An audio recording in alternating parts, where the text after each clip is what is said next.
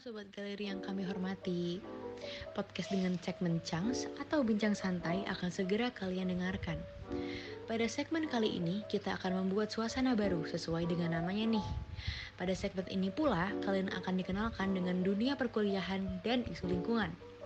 Akan ada banyak narasumber yang membahas terkait dunia perkuliahan dan isu lingkungan sesuai dengan sudut pandang mereka sebagai seorang teknik lingkungan. So, stay tune terus ya untuk mendapat informasi terkait dunia perkuliahan dan isu-isu lingkungan. Only on Spotify. Selamat mendengarkan. Halo Sobat Galeri, selamat datang di segmen Changs atau yang biasa disebut Bincang Santai. Sebelumnya kenalin dulu nih, aku Miranda dan pasti aku nggak sendirian nih, ada temanku. Aku Zaki. Dan kami dari Staff Litbang Galeri 2021. Oke, kali ini kita bakal ngobrolin tentang hal yang lagi terjadi nih, yang kita alamin selama ini nih, yaitu hubungan dari pandemi dan lingkungan di kalangan mahasiswa. Tentunya kita bakal ngobrol bareng mahasiswa Teknik Lingkungan UPN Veteran Jawa Timur. Siapakah dia? Hmm. Langsung aja nih kita sapa nih. Halo Mas Fikri. Halo semuanya. Gimana Mas kabarnya Mas? Baik Mas. Alhamdulillah baik sih. Aman-aman aja sih sampai sekarang. Oke, Mas Fikri, biar teman-teman galeri ini lebih kenal gitu sama Mas Fikri, boleh kali Mas perkenalan diri itu? Betul. Boleh, boleh banget sih. Uh, jadi kenalin nama aku Fikri. Uh, nama lengkap aku Fikri Ardianto. Jadi semuanya nih hobi apa gimana? Boleh, boleh. Ya, boleh, boleh. boleh. biar lebih kenal orang-orang. Uh, aku angkatan 2019, anak teknik lingkungan juga. Terus untuk hobi aku suka main basket, jadi teman-teman yang suka main basket ya bisa main bareng lah kalau mau. Uh, terus aku sekarang lagi aktif di Imkli sih, kebetulan dapat apa ya amanah buat jadi kepala departemen pendidikan dan keprofesian juga, gitu sih. Mantap.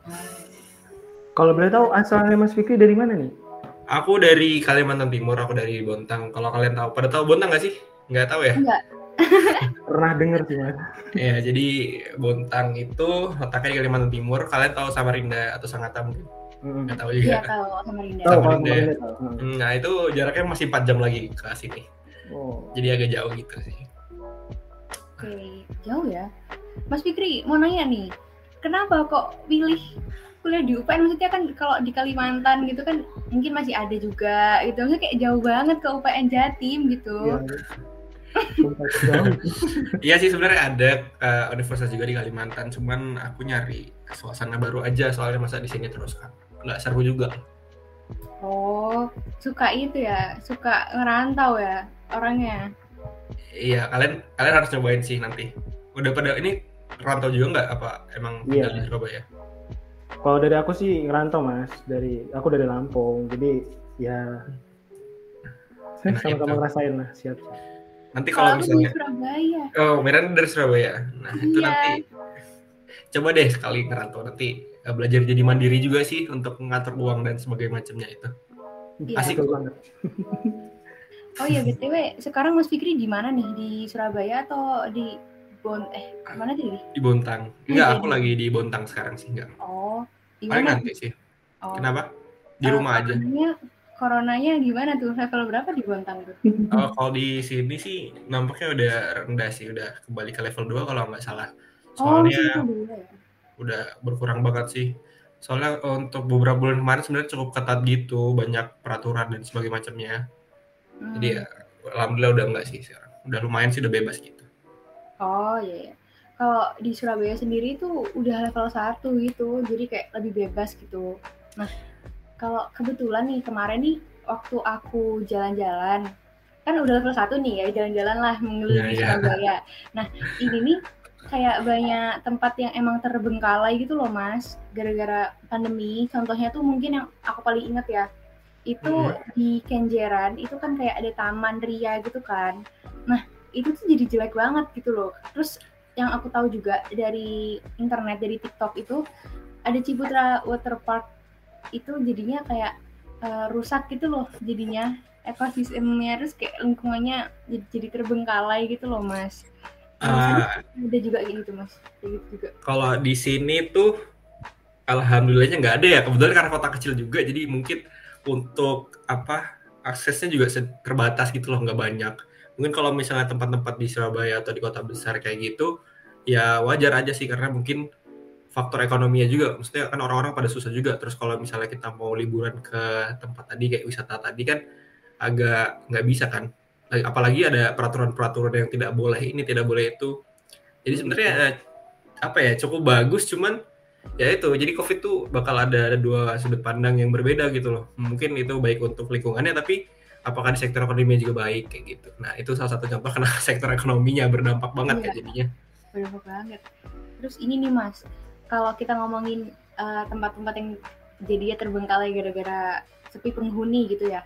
Nah itu kan UPN sekolah-sekolah itu kan juga salah satu yang juga kena dampaknya gitu ya Cuman kalau mungkin di UPN, di sekolah-sekolah, itu kan masih ada cleaning service gitu ya Mas ya. ya. Cuman kan pasti ada beberapa yang sekiranya jadi kurang kepake dan akhirnya uh, lebih kotor gitu. Mungkin salah satunya tuh danaunya UPN gitu kan ya Mas ya. Nah, iya. Menurut Mas sendiri nih, um, kita kan sebagai mahasiswa, terutama mahasiswa teknik lingkungan yang pasti paham banget lah sama lingkungan gitu kan ya. Menurut Mas tuh apa sih ya peran yang bisa kita lakuin buat menunjang lingkungan balik ke yang lebih bagus gitu loh di kala pandemi ini? Oke, iya sih aku udah lama gak ke kampus sebenarnya, jadi aku sebenarnya nggak tahu persis bagaimana kampus sekarang. Tapi kelihatannya udah lebih bagus dari yang kemarin ya. Banyak pembangunan ya, juga tuh kan. nah, itu sih kalau menurut aku mungkin dari ini ya, maksudnya nggak masuk ke lingkup kampus dulu aja ke kita sendiri dulu aja sebenarnya tuh banyak gitu loh yang bisa kita lakuin. Misal deh, contoh, kalian bisa kan bangun tidur ya? Nah, kalau misalkan bangun tidur kayak gitu, ada cara yang bisa kalian lakuin untuk tidak merusak lingkungan. Contohnya kecil aja deh, kalian bangun tidur. Biasa kan kalau kalian tidurnya nyalain lampu ya dimatiin lampunya, dimatiin AC-nya, dibuka jendelanya dan sebagainya itu kan salah satu bentuk kecil yang bisa kalian lakukan. Apalagi kayak misalnya kalian mau beli uh, makanan seperti itu. Uh, kalau misalnya di Bontang ya, ini nggak tahu sih. Ini juga cukup bagus sih peraturannya. Kalau di sini tuh udah tidak diberlakukan lagi plastik. Jadi apa apa kalau misalnya mau belanja dan sebagainya macam harus pakai tote bag dan lain-lain. Nah itu bisa bisa kalian lakukan juga. Itu dalam lingkup kecil ya dalam diri sendiri.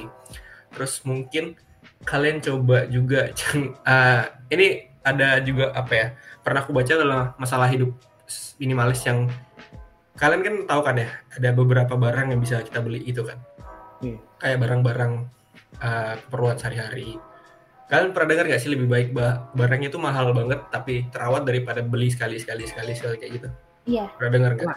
pernah banget nah itu sebenarnya itu termasuk dalam ranah kalian menjaga lingkungan gitu. Gini kalian hmm. bisa beli barang tiga ribu tiga ribu tiga ribu tiga ribu uh, dalam beberapa bulan. Terus dibandingkan kalian beli barang yang langsung seratus ribu gitu, yang kalian bisa pakai berbulan-bulan. Sebenarnya kan itu lebih efisien daripada kalian beli tiga ribu per bulan, tiga ribu, tiga ribu yang ujung-ujungnya kalau dihitung itu bakal lebih mahal. Tapi hmm. yang membedakan adalah uh, apa ya effort kalian gitu. ya emang lebih mahal, cuman kalau misalnya itu dipakai dalam jangka panjang itu bakal bagus banget gitu loh. Nah, itu salah satu bentuk dari diri sendiri. Jadi ketika barang itu bagus dan tahan lama, otomatis kalian juga mengurangi itu apa? emisi tadi. Terus untuk ke kampus ya. Kalau misalnya di kampus sendiri kan lagi apa ya? Lagi sepi sih. Lagi nggak mungkin kan ada mahasiswa, mungkin beberapa aja yang menggunakan laboratorium dan sebagainya. Uh, apa ya? Kalau menurut aku ketidak ada mahasiswa ini juga sebenarnya untuk lingkungan tuh bagus. Kenapa? Energi yang diperlukan juga semakin berkurang bukan? Kayak misalnya AC misalnya uh, apa tuh? Apa sih biasanya itu yang lampu kan nggak dipakai lampu, juga nggak dipakai juga cuman beberapa doang kan. Nah itu hmm. sebenarnya cukup bagus untuk lingkungannya tapi kan untuk mahasiswanya enggak ya? Tergantung situ udah udah udah serius-serius aja kuliahnya. Terus kalau misalnya kayak nggak terawat dan sebagainya macamnya itu bisa jadi sih. Kenapa? Mungkin ada faktor di mana kampus juga agak agak apa ya tidak ada nggak terlalu effort untuk membersihkan tempat tersebut mungkin karena tidak ada mahasiswa yang berkunjung ke sana juga. Iya, mungkin nah, mikirnya karena yang nggak ada orang ngapain juga dibersihin sering-sering hmm. gitu kan. Nah itu kalau misalnya dana UPN tuh sekarang gimana sih dana UPN masih kayak dana biasanya apa ada perbedaan? banyak eceng gondok terus katanya dulu tuh ada angsanya kan nggak tahu sekarang Ah. angsanya ke mana mas Oh, iya itu mungkin ada eceng gondok juga kan ya itu sih. Soalnya apa ya di sana kan biasanya kalau misalnya waktu offline ya itu kan biasanya buat tempat anak-anak nongkrong dan sebagainya macam. Ya itulah. Tapi sebenarnya itu bagus ya, maksudnya bagus dirawat. Tapi kalau ini sorry tuh saya sebelum off online juga sebenarnya dana UPS itu nggak sebersih itu gitu loh karena Hmm. karena banyak yang nongkrong tuh kan. Iya. Nah itu sebenarnya kalau kalian ke sana sebelum sebelumnya masih banyak kayak sampah-sampah plastik dan lain-lain. Itu sebenarnya cukup apa ya? eh, apa ya agak harusnya tuh bisa jadi tempat enak yang buat nongkrong dan lain-lain. Tapi ketika kamu lihat kayak gitu kan jadi agak mager ya jadi kok gini sih. Sebenarnya dana open itu juga apa ya? Keren sih dan cukup banyak kegiatan di sana. Kalau misalnya kalian offline, seru juga buat nongkrong dan belajar sih. Nyari doi juga di situ bisa, dekat asrama putri kan. Siap, siap. Mas mau nanya dong, tadi itu kan uh, aku dengar katanya di Botang udah nggak bisa pakai plastik-plastik lagi ya. Nah Mhm. itu tuh kebijakan dari pemerintah sana atau uh, warga setempat aja? Kayak misalnya skala kecil gitu. Eh, itu kalau itu udah kebijakan pemerintah sih. Wah, Eh, untuk eh, UMKM yang mungkin kayak supermarket, Indomaret dan lain-lain. Ya pokoknya toko-toko besar gitu sih udah naatin aturan kayak gitu. Cuman ya masih ada lah kelontong kalau toko-toko kecil ya yang nggak ini. Soalnya juga kalau misalnya kalian lupa bawa tote bag-nya ya beli lagi. hmm. Iya. Jadi Oh, jangan iya, jangan lupa. lagi. Duit Enak. lagi.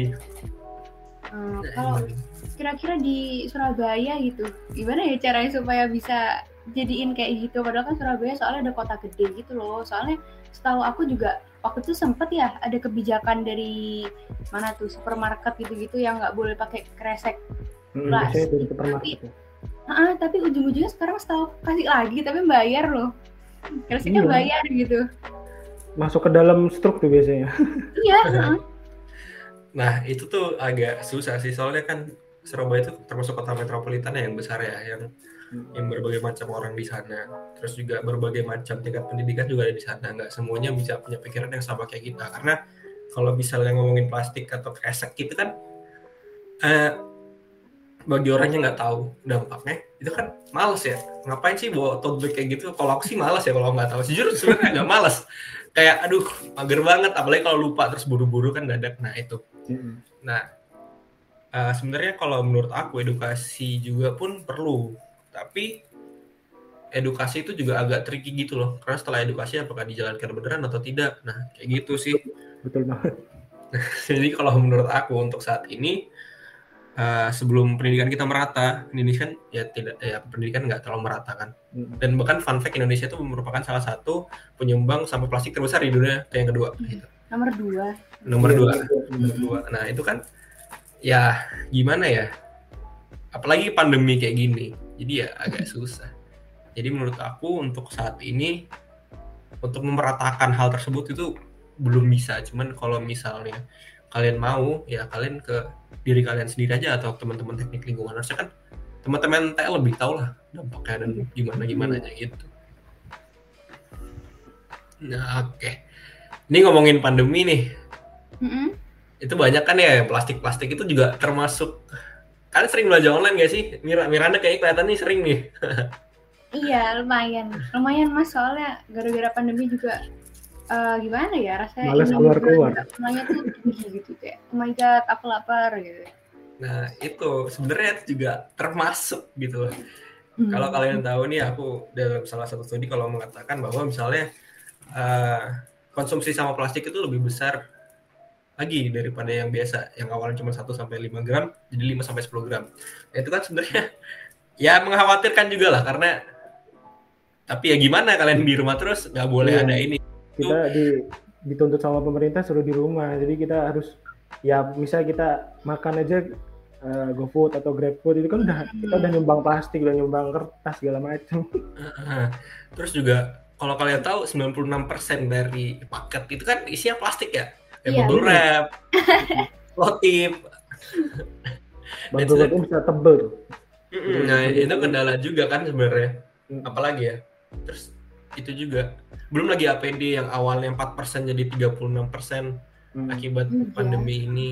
itu kan kayak wah nggak bisa nih kayak gini terus kan dan kalau misalnya uh, bagaimana solusinya ya harus ada regulasi yang ketat di situ gitu loh harus ada aturan-aturan yang benar-benar menjembatani antara masyarakat dan aturan tersebut ya mungkin ada penjaga ada yang apa ya pokoknya CCTV dan sebagainya dan itu harus ketat gitu loh mungkin kalau kayak di Singapura yang kalau kalian tahu yang di Singapura kalau misalnya buang permen karet aja udah denda gitu kan Iya, Hmm. benar benar benar. Nah, coba kalian bayangkan apabila itu diterapkan di Indonesia demo nggak sih Kacau sih kayaknya.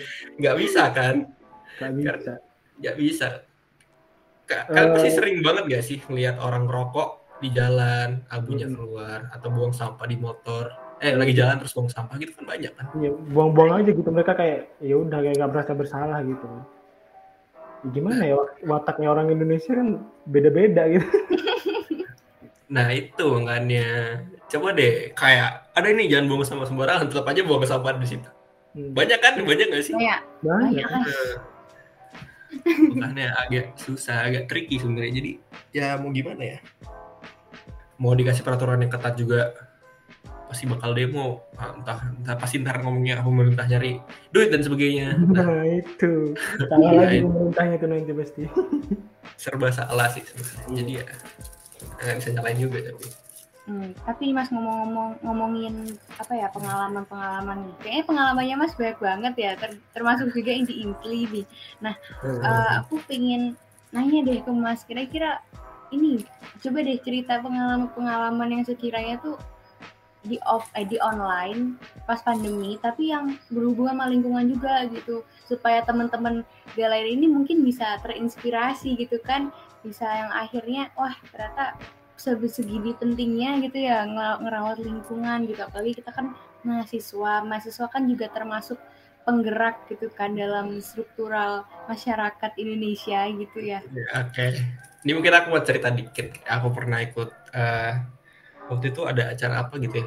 Lupa aku. Jadi waktu itu kerjasama sama organisasi di Bontang juga. Itu kayak kelompok aktivis bersih bersih lingkungan gitu lah aku sempat bersih bersihin apa sih Eh mangrove tahu kan mangrove tahu biasanya kan eh, air laut kan juga masuk ke pohon-pohon mangrove itu ke daerah-daerah mangrove-nya itu.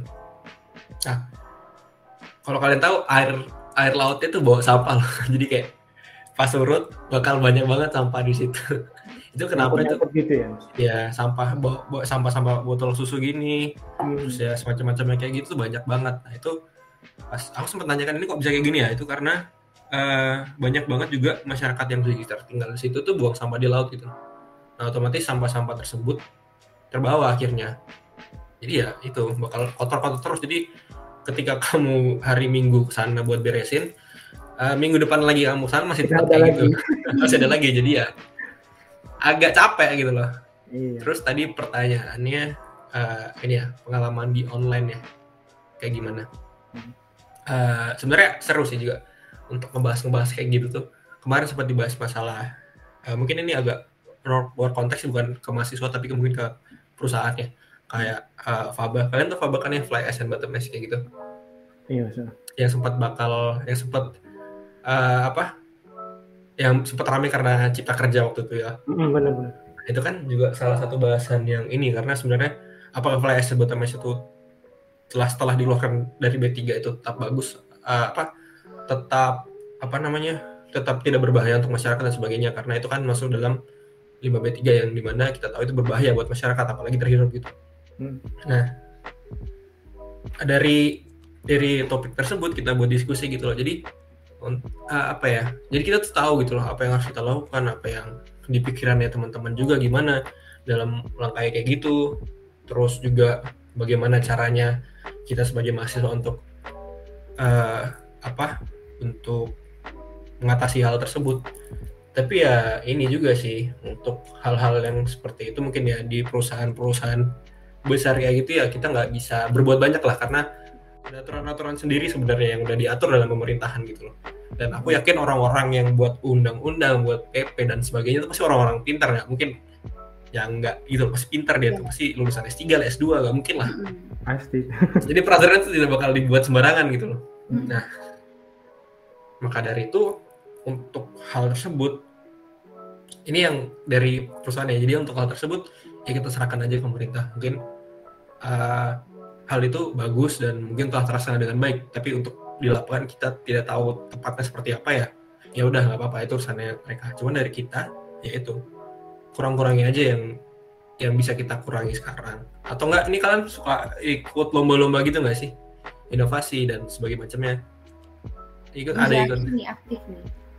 Nah, itu juga bisa sih dari mungkin dari PKM, program kreativitas kreativitas mahasiswa juga bisa banget tuh inovasi-inovasi yang membuat eh, apa ya? Inovasi-inovasi yang menggunakan tenaga alternatif yang bisa kita manfaatkan agar tidak mencemari lingkungan. Kan kalian tahu ya SDGs Sustainable Development Iya. Goals yang udah tetap dari 2016 itu itu kan juga termasuk salah satu langkah pembangunan berkelanjutan yang di mana agar lingkungan dan pembangunan itu tetap berjalan seiringan gitu gitu sih palingan nyambung nggak ya bener nggak ya jawabnya apa out of topic aku ini Gak apa-apa mah. Itu pengalamannya Ya, jujur aku belum pernah ngalamin loh. Maksudnya kayak emang sama. iya makanya kayak keren banget gitu. Gak salah kita Zak mengundang Mas Fikri emang. Betul. Eh, ini ada MPLS bukan ya masyarakat peduli lingkungan sampah masih ada nggak masih ada nggak kemarin soalnya di Litbang ada Ah, ya kemarin tuh kemarin kan bilang aku tuh pelaksana juga tuh MPLS Mm-mm. Nah, itu kan kalau nggak salah sekarang desanya desa apa pem- desa bina desanya itu di dipakai sama sos mas juga kalau nggak salah. Mm. Nah, kemarin tuh sempat buat vertical garden. Nah, kan vertical garden tuh sebenarnya juga man- manfaatin sampah kan, botol sampah itu loh. Iya, iya. Hal-hal kayak gitu tuh bisa kita lakuin. Apalagi ntar lagi galeri mau buat itu kan. Jadi kayak pas banget. Nanti kalian main buat apa? Tapi udah ada rencana belum ya kayak pengen ke mana, pengen buat apa udah ada. Mm-mm. Ini boleh gak sih ngomong gini apa nggak boleh? Nggak apa-apa. Ngobrol-ngobrol. Kan segmennya bincang santai, jadi kita ngobrol-ngobrol. Iya bisa. Nah, Chance. nah itu bisa banget sih. Kalau bisa ajak ini coba ajak uh, apa aktivis lingkungan juga yang mungkin sepantaran sama kalian. Mm. Jadi mungkin sekalian relasi lah ditukar juga kan. Biar kalian juga punya banyak relasi, punya banyak temen. Nah, kan gini Mas, kan tadi kita udah bahas tentang masih di Imkli juga. Kita kan lagi kul- kuliah off online nih kan. Di mana kita pasti dituntut produktif dong, walaupun kita di rumah, di rumah Iya banget. duduk terus, tapi kita dituntut untuk produktif. Nah, ini Ah. boleh nggak sih Mas minta tips sama trik manaj manajerial waktunya buat kita kuliah, membagi antara kuliah dengan Masnya megang proker-proker juga kan? Iya. Gitu nih. Uh, sebenarnya gini sih. Uh, ini kayaknya basic banget sih kalau misalnya pakai kayaknya pasti kalian pernah dengar deh kalau misalnya Hmm. coba buat apa jadwal gitu kayak mungkin hari ke hari gitu sih atau mungkin kalau misalnya kalian udah advance ya nggak usah bikin jadwal ya udah suka-suka aja yang penting kalian bisa ngebagi jangan sampai produktif tuh disalahgunakan gitu loh kayak karena kalian ikut banyak nih. Terus dalam satu waktu kalian ngerjakan hal banyak juga itu nggak produktif tau. Maksudnya produktif itu kan ketika kalian bisa bagi tugas bisa bagi tidur bisa bagi sosialisasi. Jadi nggak bakal capek gitu loh. Kalian bawaannya seneng nggak nggak sambat mulu gitu loh. Capek nggak sih kayak aduh ngerjain proker ini lagi capek rapat, rapat lagi itu lagi. Dibawa enjoy tapi ya. ya itu maksudnya kalian boleh. Boleh banget ikut banyak. Tapi ya tetap jangan sakiti diri sendiri lah. Iya. karena ya kalian ikut organisasi dan sebagainya pasti untuk nyari pengalaman ya kan? Betul, betul banget. nah ketika kalian makanya kalau menurut aku daripada ikut banyak organisasi mending ikut, ikut organisasi satu aja tapi satu atau dua tapi bener-bener berkontribusi gitu Iya, kita Karena- benar aktif di dalamnya gitu ya Mas. Hmm, karena banyak juga kan yang ikut organisasi cuman ikut doang banyak Iya. kan Gak Nah, sedikit. Banyak. nah itu makanya kalau misalnya bisa aktif apalagi kalau misalnya kalian bisa jadi orang penting di situ jadi ya udah. Betul, betul. soalnya kalau kayak gitu takut kasihan ya misalnya didua ada yang diduakan loh pada akhirnya Bener. Iya. Prioritasnya dibagi. Iya makanya kan nggak enak ya? Kayaknya Miranda tahu nih. Diduakan enak nggak Mir? Wah, dua, dua, dua. Kenapa sih mas? Kalau aku nih menduakan bukan diduakan mas. Eh, aduh susah ini. Diduakan tuh nggak enak kawan. Jadi janganlah menduakan sesuatu. Takutnya kalau ikut banyak. Jadi sebisa mungkin eh, kayaknya tadi Zaki suka ikut eh, apa lomba akademis akademis gitu ya Iya mas ya, tapi nggak banyak lah ya. Ya mem- mem- mem- menyesuaikan sama kapasitas lah. Eh, kemarin sempat ikut lomba apaan? Eh kemarin ikut KTI cuma mandek Lolos. ya, nggak lanjut. Nah itu bisa tuh. lain. Eh, kalau menurut aku daripada organisasi yang banyak mungkin kayak bisa diselingin sama akademisi gitu sih. Jadi mungkin ikut LKTI kah buat esai atau mungkin PKM dan sebagainya macamnya. Jadi itu bakal balance gitu loh. Jadi kan kalian dapat juga apa belajarnya, dapat juga organisasinya. Jadi lebih kayak eh, porsinya tuh diseimbangkan antara pengalaman dan apa yang kita dapat dari akademik gitu ya mas. Ya soalnya ingat tujuan akhir kita kan adalah lulus dan menjadi sarjana kan. Betul sekali. Jangan sampai lupa itu. Jadi kalau kalian ikut kalian ikut banyak pun jangan lupa tujuan awal kalian kuliah apa. Iya, bener banget itu. Soalnya juga banyak, nggak sedikit juga itu orang-orang yang ku kenal tuh ikut organisasi, kesenangan, terus lupa Hmm. gitu. Dan akhirnya mungkin telat atau bahkan tuh ya mungkin DO gitu. Nah itu makanya. Jadi tetaplah kuliah dengan baik. Jadi kalau bisa kuliah itu diprioritaskan aja. Betul. Diimbangkan gitu kan ya mas, satu jalan, satu jalan. Hmm. Jadi kalau kalian lulus, kalian dapat semuanya gitu. Yes. Nggak cuma organisasi doang, nggak cuma manajerial. Emang organisasi bagus sih buat manajerial waktu dan lain-lain. Apalagi kalau misalnya sibuk dan sebagainya macamnya. Kalau misalnya offline nih kemarin nih, kalau offline kan banyak ya ke mana ke sana ke sini ke sana ke sini untuk ngurusin itu ini itu. Nah itu sebenarnya bagus. Cuman bakal lebih capek kan. Kan pernah ngerasain kan organisasi offline yang bener-bener Iya, ke sana kemari itu Masih sempat ngerasain lah SMA. SMA pasti banyak lah SMA. Aku yakin juga kalian pernah ikut OSIS. Miranda pernah ikut OSIS juga? Enggak, saya nggak ikut. Apa nih? MPK enggak? MPK Enggak, OSIS saya, dulu. saya SMP SMA nggak pernah ikut organisasi mas. Baru kayak Oh, kuliah gitu ikutnya cuman kayak yang emang dari sekolah maksudnya kayak apa ya lomba terus tim jurnalis tapi yang Hmm. dibentuk dari sekolah gitu nah, itu juga. gitu. Kalau Zaki juga pernah ikut organisasi sama saya Iya. SMP SMA sih terus mas dari ya jadi udah inilah ya Aduh, kayaknya Zaki ini cukup kayak bibit-bibit unggul kayaknya ya Mira. ya amin ya Allah amin amin Nah, penerusnya mas Fikri gitu ya Waduh, jangan aku. Aku mah orang biasa-biasa aja. Iya. Nah itu Ya, kurang lebih gitu sih manajerial waktu. Kalau bisa beriringan ya sebisa mungkin sih. Eh, mas Fikri ini kan Hmm. kita udah ngobrol hampir 30 menit nih nah sebelum waktunya habis boleh dong kita minta gitu em, kesan-pesan buat teman-teman sobat galeri supaya Hmm. bisa berkembang dan menjadi orang yang bertabiat seperti Mas Fikri. Iya, Aduh, betul. Betul. Bisa aja loh. Kita sama-sama Iya. belajar mas. Kita berbagi Oke. informasi. ini buat teman-teman ya buat teman-teman semua yang dengerin ini eh, maksudnya jangan apa ya kalau misalnya ada kesempatan yang bagus dan kalian bisa itu diambil aja gitu karena ada beberapa kesalahan yang telah buat kemarin-kemarin yang bikin aku enggak enggak enggak enggak itu ternyata bukan aku nyesal gitu nah itu jangan sampai kayak gitu jadi ketika kalian punya kesempatan kalian punya waktu dan punya kemampuan ya dimaksimalkan aja. Kalau kalau kata Vincent atau siapa ya waktu itu, ya, keberuntungan tuh nggak ada gitu loh. Keberuntungan, keberuntungan tuh bisa diciptakan ketika kalian punya kemampuan dan punya kesempatan. Kayak gitu. Gitu. Jadi walaupun kalian punya kesempatan tidak punya kemampuan ya sama aja gitu. Nah gitu. Jadi jangan takut lah intinya. Oke, jadi yang di sini yang udah kita dapat nih ya guys ya, kalau ada kesempatan tuh pokoknya diambil ya. Soalnya kesempatan tuh emang datang ke orang yang tepat. Oke ya, iya Mas Fikri ya, setuju tidak? Ya. Setuju, kayak jodoh juga kayak gitu kan. Aduh, berat. Berat, berat, berat, berat. Oke, jadi kita yang dapat kesimpulan yang bener-bener wow banget dari narasumber terbaik kita yaitu Mas Fikri. Dan mungkin di sini kita nggak kerasa udah ngobrol selama 30 menit ya, seru banget ya Zak ya. Eh, Betul. Pembahasannya, aduh ke mana-mana tapi sepertinya kayak kurang cuma ya nanti kita lain waktu lah mungkin kita bisa undang. Yes. Oke, jangan lupa di follow IG-nya Mas Fikri nanti kita tag. Ya, Lumayan kan? ini.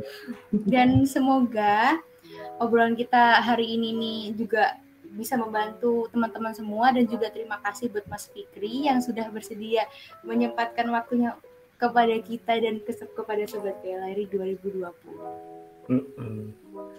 Bener banget tuh. Makanya dari itu eh, kita menambahkan pesan dari Mas Fikri tadi, ayo kita sama-sama belajar, sama-sama sadar, memahami lingkungan kapan pun dan di mana pun kita berada. Dan jangan lupa, walaupun kita lagi eh, banyak kegiatan online seperti ini, kita harus tetap produktif. Oke? Terima kasih buat Sobat Galeri yang sudah mendengarkan podcast kali ini dari awal sampai akhir. Stay tune terus di segmen Cangs Bincang Santai karena kita akan memberikan informasi seputar isu-isu lingkungan bersama narasumber yang keren tentunya. See you the next episode. Bye-bye.